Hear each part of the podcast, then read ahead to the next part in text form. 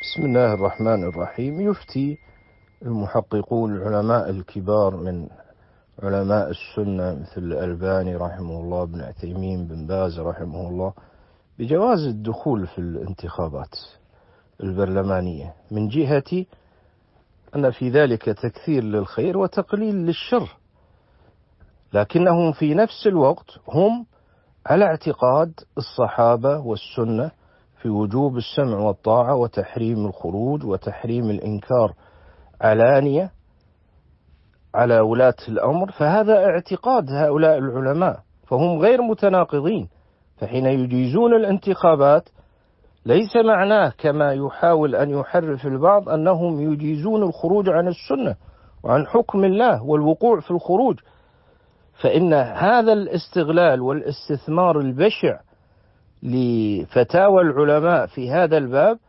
يدل على أن المستثمرين لذلك بهذا الاتجاه أنهم إما أنهم غير ناصحين أو غير صادقين أما من كان على جهل فعليه أن ينتبه.